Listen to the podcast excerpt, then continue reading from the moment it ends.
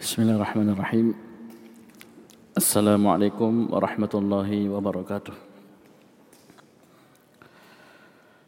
الحمد لله رب العالمين والصلاة والسلام على المبعوث رحمة للعالمين نبينا محمد وعلى آله وصحبه ومن تبعهم بإحسان إلى يوم الدين أما بعد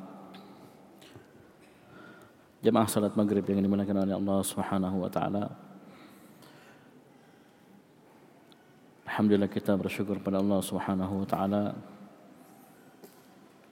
yang telah memberikan kepada kita kemudahan untuk bisa berkumpul di tempat yang mulia ini untuk sebuah amalan yang sangat mulia yaitu talabul ilmi mempelajari ilmu agama yang mana hendaknya semuanya itu kita lakukan semata-mata mengharap pahala di sisi Allah Subhanahu wa taala. Kemuliaan di sisi Allah Subhanahu wa taala. Dan insyaallah di malam hari ini kita akan melanjutkan pelajaran kita membaca kitab Al-Kabair karya Al-Imam Al-Hafidh Muhammad ibn Ahmad ibn Uthman Al-Zahabi rahimahullah. Dan kita sudah sampai di dosa besar yang ke-13 yaitu Al-Imam Al-Ghashu li ra'iyatihi itu seorang pemimpin yang menipu rakyatnya yang zalim lagi semena-mena. Kita saya sampai di dalil nomor 94 sini disebutkan oleh Az-Zahabi rahimahullah. Baik.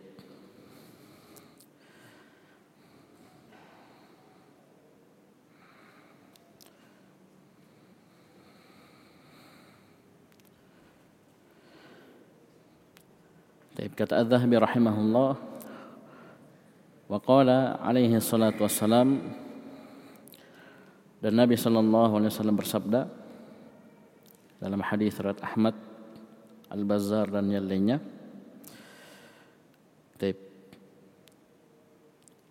Dan sebagian sanad hadis ini hasan dihasankan ketika dikumpulkan jadi sahih li ghairi Taib disebutkan di bawah وقال عليه الصلاة والسلام ما من أمير عشرة إلا يؤتى به مغلولة يداه إلى عنقه أطلقه عدله أو أوبقه جوره Kata Nabi sallallahu alaihi wasallam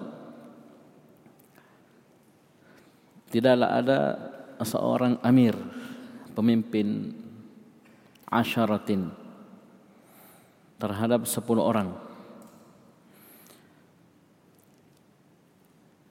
Illa yu'ta bihi mangululatan yadahu ila unuki. Kecuali nanti pada hari kiamat akan didatangkan dalam keadaan tangannya kedua tangannya mangululatan terbelenggu ke lehernya Di sini Nabi wasallam menyebutkan amiri asyaratin dalam bentuk nakirah dalam susunan penafian sehingga mencakup setiap pemimpin. Sini menguatkan apa yang sudah kita sebutkan sebelumnya bahwasanya pemimpin yang dimaksud bukan hanya pemimpin dalam skala yang luas yang besar seperti kepala negara dan semisalnya tapi mencakup pemimpin dalam wilayah yang lebih kecil pemimpin dalam wilayah yang lebih lebih kecil. Ya, tidaklah ada seorang pemimpin yang memimpin sepuluh orang illa kecuali nanti pada hari kiamat dia didatangkan dalam keadaan kedua tangannya terbelenggu ke lehernya. Kemudian Nabi sallallahu alaihi wasallam menyebutkan dua kemungkinan. Atlaqahu adluh maka keadilannya lah yang akan melepaskan belenggu tersebut? Maksudnya ketika dia merupakan seorang pemimpin yang adil ya yang amanah yang memperhatikan hak-hak orang yang dipimpin maka keadilannya tersebut akan melepaskan belenggu yang ada di tangan au au baqahu jawruhu atau kezalimannya akan membinasakannya atau kezalimannya akan membinasakannya. Diperhatikan sini Nabi sallallahu alaihi wasallam hanya menyebutkan dua kemungkinan. Hanya menyebutkan dua kemungkinan. Ketika seorang memimpin walaupun itu hanya 10 orang ya, entah dia berlaku adil dia berlaku amanah dia jalankan kepemimpinan tersebut sebagaimana yang dituntut dalam syariat. Atau kemungkinan yang kedua dia terjatuh dalam kezaliman jauh ya, dia terjatuh dalam kezaliman kalau dia seorang pemimpin yang adil maka kedua tangannya tersebut yang asalnya terbelenggu akan terlepas. Ya, akan terlepas. Yang lepaskan sini adluhu. Sini Nabi sebutkan dalam bentuk fa'il. Jadi yang melepaskannya adalah keadilannya. Ya, jadi sebab dia selamat dari azab dari siksa. Atau ketika dia pemimpin yang zalim maka jauruhu kezalimannya akan membinasakannya. Akan membinasakannya. Dan apa yang disebutkan sebelumnya itu subhanallah lebih keras lagi yang disebutkan sebelumnya. Sampai sebutkan dia tidak mencium baunya surga tidak mencium baunya baunya surga ketika dia memimpin ya dalam keadaan tidak menasihati orang-orang yang dia pimpin. Tidak berlaku adil. Dia zalim dalam kepemimpinannya tersebut.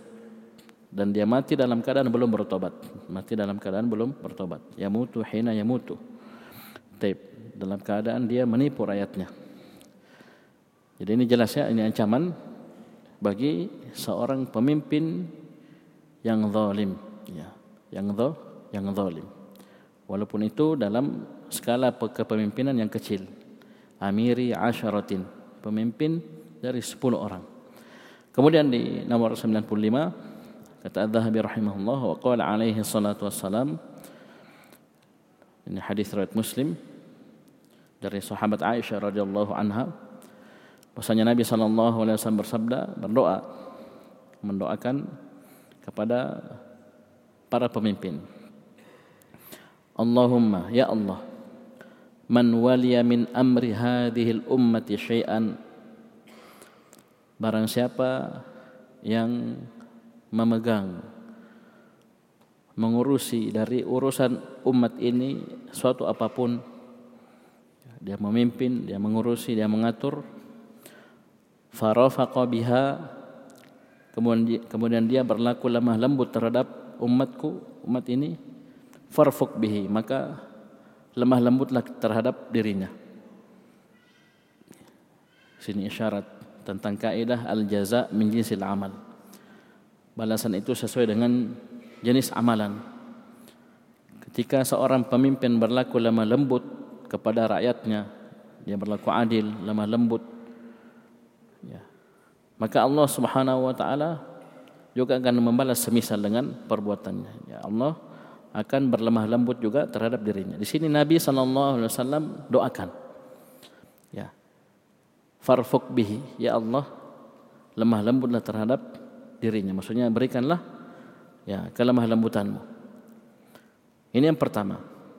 Wa man syaqqa 'alaiha barang siapa yang mempersulit ya umat ya mempersulit umat menzalimi umat fashquq alaih maka persulitlah dirinya. Persulitlah dirinya. Hadis ini rawahu muslim. Hadis riwayat riwayat muslim. Baik. Ya, coba perhatikan. Ya sama dengan yang sebelumnya. Ketika seorang memimpin mengurusi urusan umat ya entah itu sesuatu wilayah yang kecil atau yang besar maka kemungkinannya dua yang pertama farafaqa biha dia berlaku lemah lembut. Ya dia permudah urusan orang ya rakyatnya. Bahkan mungkin dia bantu dia tolong. Ya dia fasilitasi dia permudah. Maka nabi doakan ya dengan hal yang sama farfuk bihi. Ya Allah berikanlah kelemah lembutanmu kepada kepada orang tersebut kepada pemimpin tersebut. Tapi kapan dia syakqa alaiha. Ya. dia mempersulit membebani. Ya. Membuat masyarakatnya susah rakyatnya susah maka fashfuk fashkuk alaih. Fashkuk alaih. Maka Nabi sallallahu alaihi wasallam mendoakan dengan yang semisal. Dengan yang semi semisal. Ketika dia mempersulit ya memperberat umat ini rakyat ini maka Nabi mendoakan agar dia dibalas. Ya ya Allah ya perberat dia ya persulit dia. Dan ini tidak disebutkan ya di mana balasan ini. Maka mencakup umum ya. Jadi kelembutan tersebut ketika dia lembut, lemah lembut terhadap rakyatnya itu berarti mencakup kelemah lembutan di dunia, alam barzakh, apalagi nanti di akhirat. Dari Allah Subhanahu wa taala. Farfuk bihi. Nabi meminta agar Allah Subhanahu wa taala berlemah lembut terhadap orang tersebut. Ya, yang telah berlemah lembut kepada rakyatnya, kepada orang yang dia pimpin di dunia, alam barzakh, di akhirat. Tapi kapan dia persulit? Kapan dia persulit maka Nabi doakan agar Allah Subhanahu wa taala mempersulit dirinya di dunia alam barzah dan juga di akhirat. Dunia alam barzah dan dan di akhirat. Al jaza min jinsil amal. Balasan itu disesuaikan dengan jenis amalan. Taib. Kemudian Az-Zahabi rahimahullah menyebutkan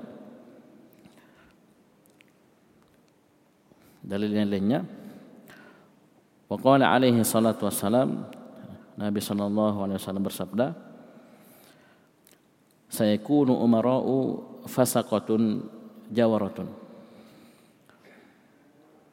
Nanti kelak akan ada pemimpin-pemimpin fasaqah yang fasik yang jawarah yang zalim.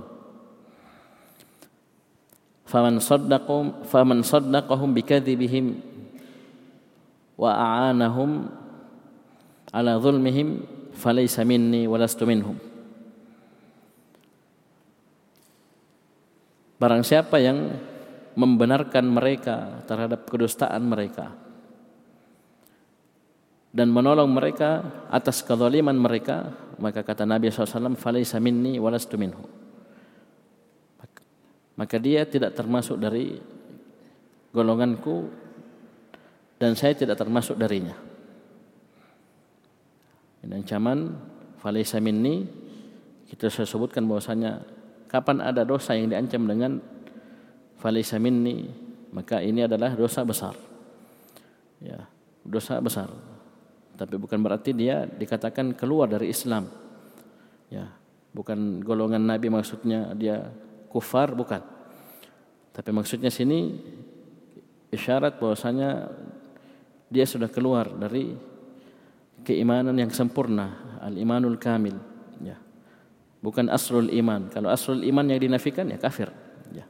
Tapi di sini bukan itu yang dimaksud oleh karena itu sering kita ingatkan bahawa jangan sampai dalil-dalil seperti ini digunakan oleh orang-orang khawarij untuk menggiring kita untuk menerima syubhatnya bahwasanya pelaku dosa besar itu itu kafir ya, ini sudah kita sering ingatkan Maksudnya orang-orang kafir, orang-orang khawarij menggunakan dalil ini untuk mengkafirkan para pelaku dosa besar.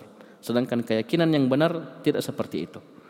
Ya, pelaku dosa besar ya itu tidak kafir, tidak tidak kafir. Taib. Dan pengkafiran dalam syariat Islam bukan perkara yang kecil, bukan perkara yang remeh. Bukan perkara yang remeh. Taib. Dan itu bukan ya kerjaan kita, ya, bukan ya rutin bukan sesuatu yang mudah kita tetapkan pada seseorang. Kita pelajari perkara-perkara yang bisa menjatuhkan kita ke dalam kekafiran dari nawakidul Islam dan yang, yang lainnya. Itu kita supaya kita pahami dan kita jauhi. Bukan untuk mengkafirkan orang. Berbeda dengan metode yang dipakai orang-orang khawarij.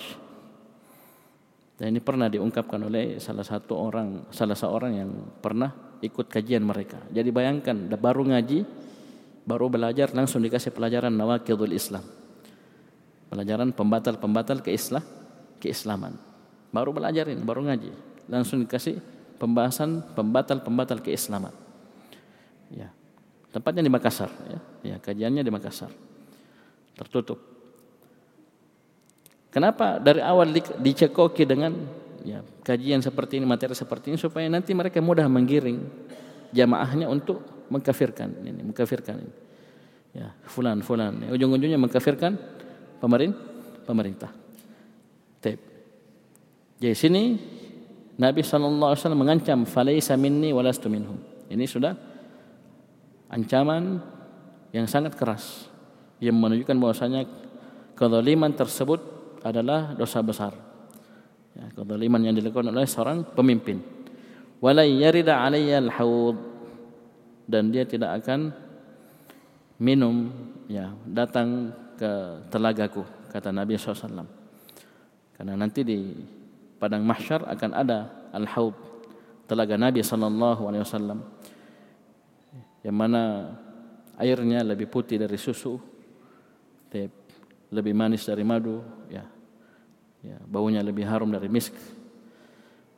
Kapan seorang minum dari al-haud tersebut telaga tersebut maka dia tidak akan haus selama-lamanya. Tidak akan haus selama-lamanya jadi ini termasuk orang-orang yang terusir dari al-haud dari telaga Nabi sallallahu alaihi wasallam. Dan kalau tidak salah ada akan ada riwayat nanti disebutkan. Akan ada riwayat setelahnya disebutkan tentang perkara ini. Di sini Nabi sallallahu alaihi wasallam mengingatkan kita tentang umara para pemimpin dan Nabi SAW sini pakai sin saya kuno maksudnya akan akan datang akan ada pemimpin-pemimpin fasakoh, fasik, jawaroh yang lagi zalim. Ya, fasik lagi zalim. Di sini Nabi sallallahu alaihi wasallam sama sekali tidak menyebutkan kata-kata kafir. Ya. Jadi fasik, zalim itu tidak mengharuskan seorang muslim itu dikafir dikafirkan. Tapi ini sifat sangat mengerikan bagi seorang pemimpin. Jadi dia umar, dia pemimpin, tapi fasik dan jawaroh. Oh, coba bayangkan kerusakan yang terjadi ketika seorang pemimpin memiliki dua sifat ini. Ya, dia tidak memimpin saja, ya. Dia tidak menjadi pemimpin saja, dia sendiri itu luar biasa. Ketika seorang fasik zalim, luar biasa kerusakan yang bisa dia dia buat.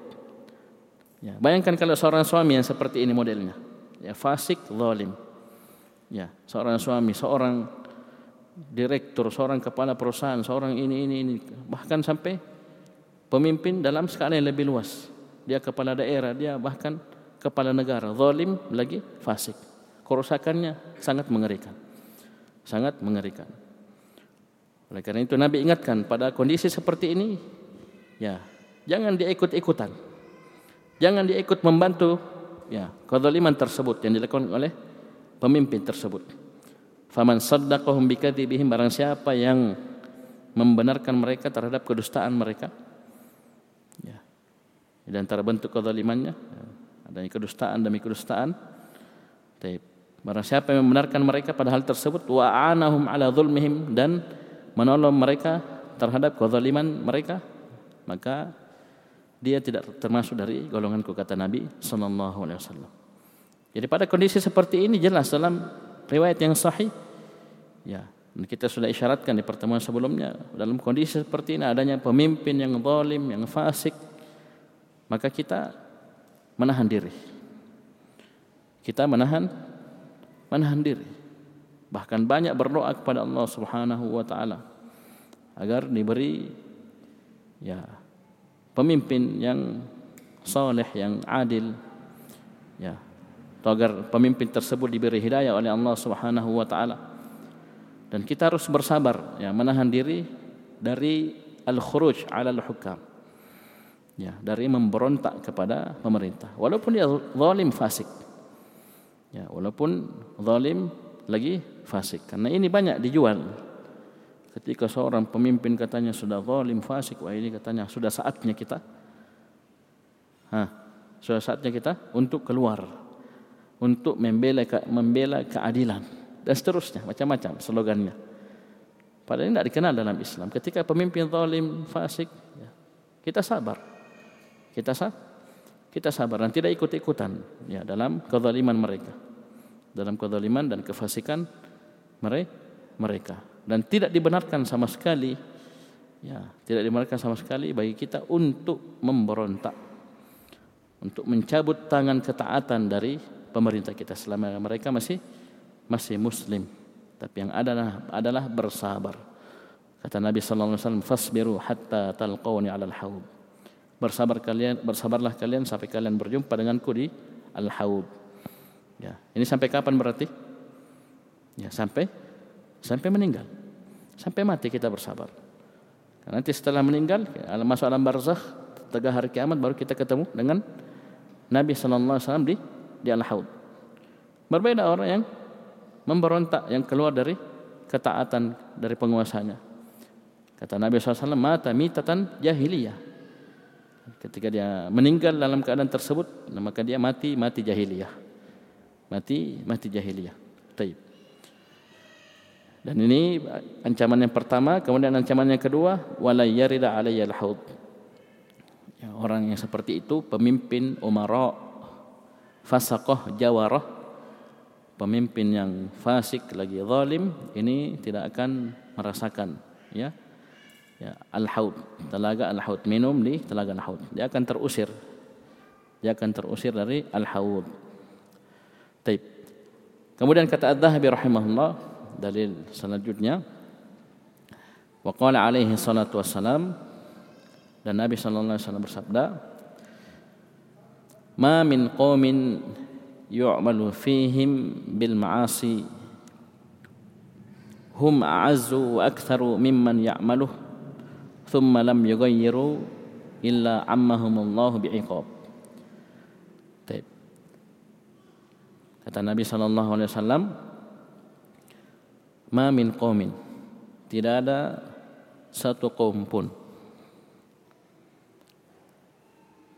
ini kaum diwakilkan dalam bentuk nakirah kemudian ada jumlah setelahnya, ada kalimat setelahnya, maka jumlah tersebut sebagai naat. Kaum yang yu'malu fihi bil ma'asi. Yang di tengah mereka itu dilakukan maksiat demi maksiat. Hum a'azzu mereka lebih kuat wa aktsaru dan lebih banyak mimma ya'maluhu Jadi sifat kaum itu a'azzu, lebih kuat dan aktsaru, lebih banyak. Mimman ya'maluhu dari orang yang melakukan maksiat tersebut. Ya. Thumma lam yughayyiru, kemudian mereka tidak melakukan amar ma'ruf nahi munkar, tidak merubah kemaksiatan tersebut, tidak mengingkari kemaksiatan tersebut illa ammahumullahu bi'iqab, kecuali Allah Subhanahu wa taala akan meratakan hukuman terhadap mereka seluruhnya. Dan ini mirip apa yang kita sudah baca di ayat yang kedua di pembahasan ini itu tentang Bani Bani Israel. Ya, Bani Israel yang dilaknat melalui lisan Nabi Daud dan Nabi Isa alaihissalam. Disebutkan sebabnya dzalika bima asaw wa kanu ya'tadun. Ya yang demikian itu karena maksiat yang mereka lakukan dan pelampau batas. Bagaimana bentuknya? Kanu la yatanahawna am munkarin fa'alu. Mereka ya, tidak saling melarang. Ya, wazan tafa'ala. Tidak saling melarang.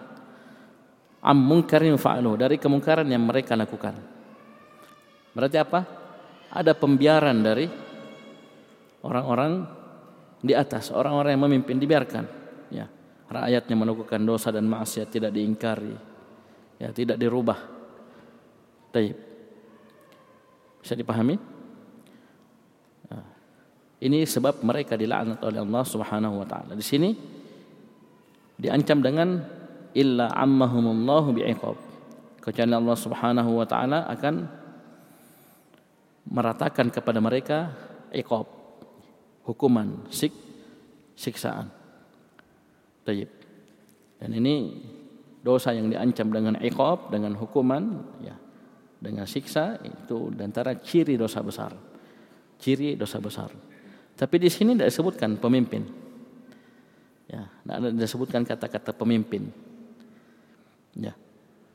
Tapi perhatikan di sini cermati tidaklah ada suatu kaum yang di tengah mereka itu dilakukan maksiat-maksiat hum a'azzu wa aktharu mimman ya'malu. Yang mana mereka itu lebih kuat dan lebih banyak jumlahnya dari orang yang melakukan maksiat tersebut. Di sini a'azzu dan aktsaru ini sifat dari dari penguasa. Dia punya kekuatan, dia punya jumlah. Ya. Dia punya senjata, dia punya power. Dan jumlahnya banyak. Ya. memungkinkan hal tersebut dirubah. Tapi apa kata Nabi SAW falam yughayyiru. Ya. Thumma lam yughayyiru. Kemudian mereka tidak rubah. Tidak ada usaha untuk merubah hal tersebut merubah kemungkaran tersebut merubah maksiat tersebut. Padahal ada ada kekuatan ada jumlah ya Taib.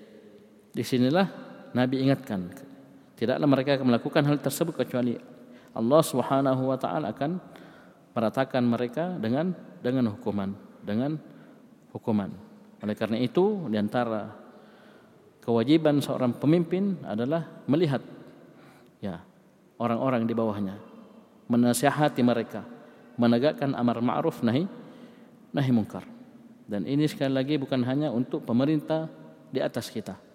Ini masuk untuk diri kita sendiri sebagai seorang suami, sebagai seorang ayah, kita lihat keluarga kita, anak istri kita, orang-orang yang berada di bawah kita. Ketika ada kemungkaran dan kita memiliki kekuatan, kita memiliki pengaruh, wajib bagi kita untuk merubahnya. Wajib wajib kita untuk merubahnya. Taib. Kemudian kata Az-Zahabi rahimahullah dalil selanjutnya. Warwa Abu Ubaidah ibnu Abdullah bin Mas'ud an abihi. Dan Abu Ubaidah Ibn Abdullah Ibn Mas'ud radhiyallahu anhu ini anaknya Ibn Mas'ud dia meriwayatkan dari bapaknya. Dia meriwayatkan dari bapaknya. Dan ini terputus ya. Ini terputus karena Abu Ubaidah rahimahullah tidak meriwayatkan dari bapaknya. ya, ini ada kelemahan ya. Ada kelemahan. Taib. Beliau berkata Ibnu Mas'ud berkata qala Rasulullah sallallahu alaihi wasallam. Rasulullah sallallahu alaihi wasallam bersabda Walladhi nafsi biyadih. Demi yang jiwaku berada di tangannya. Itu demi Allah subhanahu wa ta'ala. Seorang muslim Tidak boleh bersumpah dengan Selain nama dan sifat Allah subhanahu wa ta'ala. Di sini sebutkan sifat Allah subhanahu wa ta'ala. Demi yang jiwaku berada di tangannya Jiwa kita semua berada di tangan Allah subhanahu wa ta'ala Tidak boleh kita bersumpah dengan dengan makhluk Ya, dengan makhluk karena itu merupakan kesyirikan. Demi yang jiwaku berada di tangannya. La ta'murun nabil ma'ruf. Sungguh kalian memerintahkan kepada yang ma'ruf. Walatan haun walatan haunna anil munkar. Dan sungguh kalian melarang dari kemungkaran. Wala ta'khudunna ala yadil musi' dan sungguh kalian mengambil tangan-tangan orang-orang yang mau berbuat dosa dan maksiat kerusakan Kalian maksudnya ambil tangannya cegah. Ya, diambil tangannya maksudnya dicegah, ditahan. Wala ta'turunnahu 'alal haqqi atran. Dan sungguh kalian mengembalikan mereka kepada kebenaran dengan sebenar-benarnya. Maksudnya diambil tangannya dan betul-betul diarahkan kepada kebenaran. Kalian lakukan itu atau kalau tidak la yadribannallahu biqulubi ba'dikum ala ba'd. Kalau kalian tidak melakukan hal tersebut Allah Subhanahu wa taala akan ya benturkan hati-hati kalian kepada hati-hati yang lainnya. Maksudnya apa? Akan dijadikan berselisih. Dia akan berpecah karena apa tidak ditegakkannya amar ma'ruf nahi nahi munkar tidak adanya pencegahan terhadap ya dosa dan maksiat yang yang dilakukan thumma yal'anukum kama la'anahum yakni bani Israel ala lisani Daud wa Isa bin Maryam Kemudian Allah Subhanahu wa taala akan melaknat kalian sebagaimana Allah melaknat mereka yaitu Bani Israel melalui lisan Nabi Daud dan Nabi Isa putra Maryam. Taib. Walaupun hadis ini ada kelemahan, ada keterputusan, maknanya benar. Maknanya maknanya benar. Karena ingat ya mas kalian dosa itu, dosa dan maksiat itu merupakan sebab keretakan hubungan ya antara manusia disebutkan dalam riwayat eh, ini kita pernah lewat di Al Adabul Mufrad tidaklah seorang yang mencintai ya orang bilang baku sayang baku baik ya berteman itu rusak hubungannya ya berselisih baku bombek dan lainnya kecuali karena dosa yang dilakukan oleh salah satu dari dari keduanya ya ini dua orang ya apalagi dia suami istri ayah dan anak dan seterusnya orang dekat, karib kerabat. Itu dia berpecah, berselisih, ada masalah, itu karena adanya dosa. Dosa yang dilakukan oleh salah satu dari dua, dua belah pihak. Loh apalagi perkara ini? Ini bukan perkara sembarangan. Ya. Amar ma'ruf nahi mungkar. Ya. Pencegahan terhadap pelaku-pelaku maksiat. Ketika ini tidak ditegakkan, maka Jangan heran ketika Allah Subhanahu wa taala cara beraikan hati hati kita. Ya. Cara beraikan hati hati kita. Muncul perpecahan demi perpecahan. Taib. Dan yang lebih dari itu adalah laknat dari Allah Subhanahu wa taala. Ya, sebagaimana Allah Subhanahu wa taala melaknat ya Bani Israel melalui lisan Nabi Daud dan Nabi Nabi Isa alaihi wassalam. Apa sebabnya? Karena itu tadi kanu la yatanahawna am munkarin fa'alu karena mereka itu tidak saling melarang saling mencegah melarang dari kemungkaran yang mereka lakukan ya taib tidak tegak amar ma'ruf nahi nahi munkar taib ini hadis ada kelemahan ya taib kemudian kata adzhabi rahimahullah tapi masih tersisa banyak ini, ini masih tersisa sekitar 19 atau 20 hadis. Ya, 20 hadis. Banyak disebutkan oleh Az-Zahabi rahimahullah. Taib. Wa an Aglab Ibn Tamim qala hadatsana Al-Mu'alla Ibn Ziyad an Muawiyah ibn Qurrah an Ma'kil ibn Yasar radhiyallahu an Nabi sallallahu alaihi wasallam annahu qala sinfani min ummati la tanaluhu la tanaluhuma syafaati. Ada dua golongan dari umatku yang tidak akan mendapatkan mendapatkan syafaat dariku. Yang pertama sultanun zalumun ghashumun yang pertama sultan penguasa yang zalum yang sangat zalim yang berlaku berlaku zalim Taib. Kemudian yang kedua, wagolin fiddin. Wagolin fiddin dan orang yang berlebih-lebihan dalam beragama. Yashhadu alaihim wa yatabarra'u minhum. Taib. Dia mempersaksikan atas mereka dan dia juga berlepas diri dari dari mereka. Taib. Kemudian kata Az-Zahabi rahimahullah, aglabu dhaif. Aglab bin, bin Tamim ini lemah. Wa qad rawahu Ibnu al-Mubarak hadatsana Mani' qala hadatsana Muawiyah bin Qurrah binahwihi. Wa Mani' la yudra manhu. Dan Mani' ini tidak diketahui siapa siapa dia. Ini hadis ada kelemahan ya hadis kelemahan bahkan dikatakan sini isnaduhu dhaifun jiddan sanadnya sangat lemah karena aglab ini kata al-bukhari munkarul hadis munkarul hadis. Hadisnya munkar. Kita baca dari Ma'kil bin Yasar dari Nabi sallallahu alaihi wasallam beliau bersabda sinfani min ummati dua golongan dari umatku. Ya. Yang tidak akan mendapatkan syafaat dariku. Yang pertama adalah penguasa yang zalim. Penguasa yang yang zalim. Baik. Yang ini menjadi syahid, menjadi titik pembahasan kita dalam bab ini. Ya. Diancam bahwasanya dia tidak akan mendapatkan syafaat dari Nabi SAW. Tapi ini hadis-hadis lemah. Hadis, hadis lemah. Kita cukup tadi yang disebutkan bahwasanya dia tidak akan minum dari telaga Nabi sallallahu alaihi wasallam. Kemudian yang kedua wagolin fiddin itu orang yang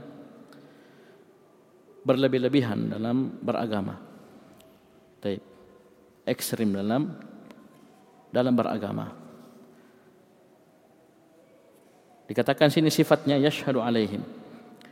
Dia mempersaksikan atas mereka yaitu kaum muslimin. Mempersaksikan atas kaum kaum muslimin.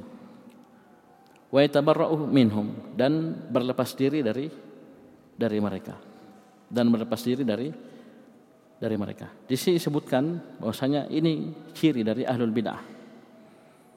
Mereka mereka golin berlebih-lebihan dalam beragama. Karena yang dituntut bagi kita dalam beragama adalah pertengahan. Adalah pertengahan, tidak kurang tidak lebih. Tidak kurang tidak tidak lebih. Taib.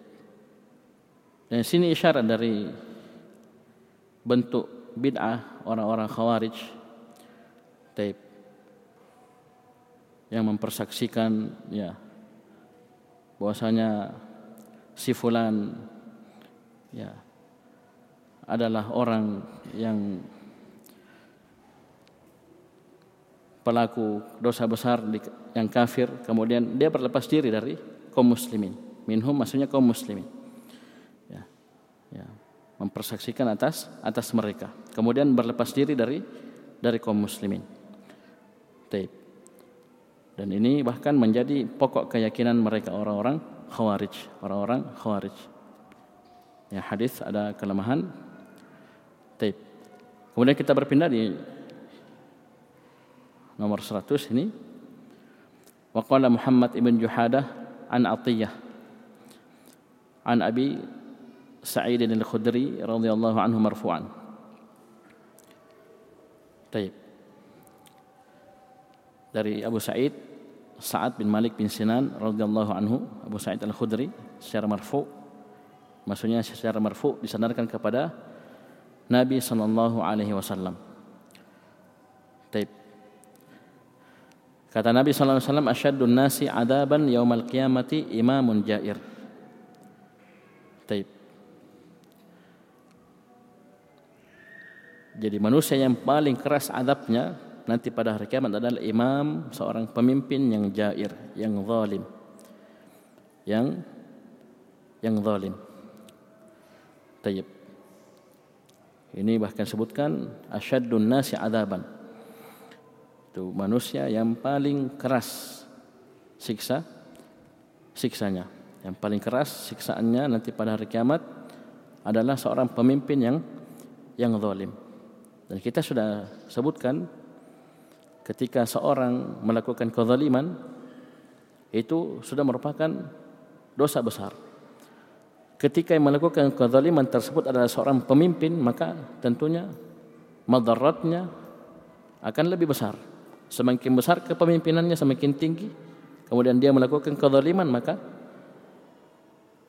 madaratnya semakin besar pula. Ya, semakin besar pula. Taib. Sini disebutkan asyaddun nasi adaban yaumal qiyamati imamun imamun jair.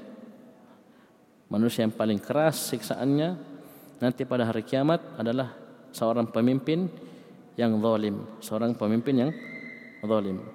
Dan telah lewat kepada kita di dalil sebelumnya bahwasanya az-zulmu zulmatun yaumal qiyamah. Kezaliman adalah kegelapan kegelapan nanti pada pada hari kiamat, pada hari kiamat. Tayyib. Sebelumnya kita lihat di sini yang golin fiddin ini perhatikan. Ini orang yang golin yang berlebih-lebihan dalam beragama. Di sini sebutkan yashhadu alaihim. Jadi mereka mempersaksikan alaihim atas kaum muslimin bil kufr dengan kekafiran. Ya dia berlebihan dalam menetapkan bahwasanya pelaku dosa besar itu kafir dia persaksikan bahkan bukan hanya mengkafirkan pelaku dosa besar bahkan mempersaksikan bahwasanya mereka kekal dalam neraka. Ini kita sudah sebutkan dua keyakinan orang-orang khawarij, orang-orang yang berlebih-lebihan dalam beragama. Oleh karena itu kita lihat orang-orang khawarij itu orang-orang yang giat beribadah, sangat giat beribadah. Di malam hari mereka bangun salat malam, bahkan di kampung mereka itu sampai terdengar seperti suara lebah mereka mengaji saking banyaknya mengaji solat malam. Sampai-sampai menghitam jidatnya, menghitam jidatnya. Di siang hari mereka berpuasa. Ya, luar biasa. Bahkan menganggap ibadah Nabi Sallallahu Alaihi Wasallam itu ya tidak seberapa. Mereka sebagiannya mau puasa, ya mau puasa selama lamanya tidak mau menikah, ya ada yang mau bangun malam terus tidak mau tidur. Taib. Gulu. Ya. Di sini dikatakan yashhadu alaihim mereka mempersaksikan atau dia orang yang gulu tersebut mempersaksikan atas mereka itu atas kaum muslimin bil kufur dengan kekufu kekufuran. Wa yatabarra minhum dan orang ini orang yang berlebih-lebihan ini berlepas diri dari kaum muslimin. Ini yang kita sebutkan tadi sifat orang-orang khawarij, sifat orang-orang khawarij. Ini kelompok kedua ya, tapi syahid kita yang pertama ya. Sekali lagi walaupun hadis ini ada kelam kelemahan. Taib. Kemudian kata Az-Zahabi rahimahullah, kita baca lagi sedikit. Taib. Wa 'anil Nabi sallallahu alaihi wasallam. Dari Nabi sallallahu alaihi wasallam annahu qala beliau berkata ayuhan nas ayuhan nas wahai sekalian manusia muru bil ma'ruf perintahkanlah perkara yang ma'ruf wanhau 'anil munkar. Dan laranglah kalian dari dari kemungkaran dari kemungkaran. Qabla an tad'u qabla an tad'u Allah fala yastajib lakum. Sebelum engkau atau kalian berdoa kepada Allah kemudian Allah Subhanahu wa taala tidak mengabulkan doa kalian tersebut. Wa qabla an tastaghfiruhu fala yaghfir lakum. Dan sebelum kalian beristighfar minta ampun kemudian Allah tidak mengampuni kalian. Innal ahbara minal yahudi war ruhbana minan nasara lamma tarakul amra bil ma'ruf wan nahya 'anil munkar la'anahumullahu 'ala lisani anbiya'ihim. Thumma amma thumma ammahum bil bala. Sungguhnya para orang-orang berilmu ahbar dari orang-orang Yahudi dan ruhban para pendeta dari orang-orang Nasara tatkala mereka meninggalkan amar ma'ruf nahi munkar la'anahumullahu 'ala lisani anbiya'ihim Allah Subhanahu wa taala melaknat mereka melalui lisan nabi-nabi mereka. Thumma ammahum bil bala. Kemudian Allah Subhanahu wa taala meratakan bencana atas atas mereka. Taib. Tapi hadis ini ada kelemahan ya isnadul dhaif. Taib. Ada kelemahan. Tapi perhatikan sini ini sama dengan apa yang kita sudah sebutkan sebelumnya tentang amar ma'ruf nahi munkar. Ya. Di sini sama tidak disebutkan tentang pemerintah, pemimpin penguasa. Tapi ingat seorang penguasa memiliki kekuatan. Memiliki pasukan. Ya. Memiliki tangan, ya. Yang mungkin tidak ada orang selain penguasa tersebut yang bisa melakukan ingkarul mungkar sama dengan mereka. Ya kalau kita yang tegur misalnya ada orang minum-minum, ya orang main judi, ya kita tegur, mungkin kita yang dilempari batu. Tapi coba kalau penguasa yang yang tegur, ya. Pemerintah yang tegur, bawa satu mobil, aparat misalnya lengkap dengan senjatanya, ya, suruh berhenti. Kira-kira gimana? Berhenti atau tidak? Dan ini diantara bentuk tanggungjawab penguasa. Bentuk tanggungjawab penguasa. Ya, tidak bisa dilepas. Walaupun dalam hadis ini ada kelemahan dan maknanya benar. Perhatikan bentuk tanggungjawab seorang penguasa, seorang pemimpin, pemimpin kecil apalagi pemimpin yang besar adalah amar ma'ruf nahi munkar. Ya. Ya, kapan hal ini tidak ditegakkan? Ya. Maka dia masuk dalam dalam ancaman ini. Diancam dengan laknat dari Allah Subhanahu wa taala dan akan diratakan azab ya terhadap mereka. Akan diratakan azab bala bencana terhadap terhadap mereka. Taib. Kemudian kata Az-Zahabi rahimahullah wa qala alaihi salatu wassalam hadis riwayat Bukhari dan Muslim dari sahabat Aisyah radhiyallahu anha. Taib. Kata Nabi sallallahu alaihi wasallam, "Man ahdatsa fi amrina hadza ma laysa minhu fa huwa raddun." Barang siapa yang mengadakan perkara baru dalam agama kami, apa yang tidak ada padanya, maka hal tersebut tertolak. Hal tersebut tertolak. Taib. Kemudian kata Az-Zahabi rahimahullah wa qala man ahdatha hadatsan aw awa muhdisan fa alayhi la'natullahi wal malaikati wan nasi ajma'in la yaqbalu Allahu minhu sarfan wala wala adalan. Baik. Di sini Az-Zahabi rahimahullah mengambil pendalilan dari sisi yang lainnya. Perhatikan kata Al-Zahabi rahimahullah ta'ala membawakan riwayat Man ahdatha fi amrina hadha Ma laysa minhu fahuwa raddun. Barang siapa yang melakukan ihdas pada perkara kami. Ya. Ada riwayat yang disebutkan dari Ali bin Abi Talib radhiyallahu anhu disebutkan dalam Sahih Muslim bahwasanya Nabi sallallahu alaihi wasallam menyebutkan empat perkara kepada Ali radhiyallahu anhu. Di antaranya la'anallahu man awa muhdisan.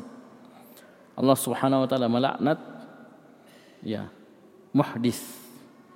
Ya. Taib. Ini di di kasr. Sebagian riwayat menyebutkan muhdas. Ini ada mirip dengan ini. Jadi Allah Subhanahu wa taala melaknat muhdis ya. Man awa muhdisan. Orang yang melindungi muhdisan. Orang yang melakukan ya pelanggaran kemudian berhak mendapatkan hukuman had. Ya dia lindungi. Dia dia lindungi. Taib. Supaya tidak ditegakkan padanya hukuman hukuman had. Maka ini adalah perkara yang diancam dengan laknat dari Allah Subhanahu wa taala perkara yang diancam dengan laknat dari Allah Subhanahu wa taala. Tayyib. Dan sini disebutkan dalam riwayat la yaqbalullahu minhu sarfan wala adalan. Ya, Allah Subhanahu wa taala tidak menerima darinya sarfan wala wala adalan. Tayyib. Tapi insyaallah kita lanjut di pertemuan yang akan datang insya Allah terakhir masih tersisa sekitar 16 hadis, 16 riwayat dari Az-Zahabi rahimahullah di kitab Al-Kabair ini. Taip. Kalau dihitung dengan 102 ini mungkin sekitar 17. Karena nanti di akhir nomor 118. Ya, di akhir pembahasan ini nomor 118.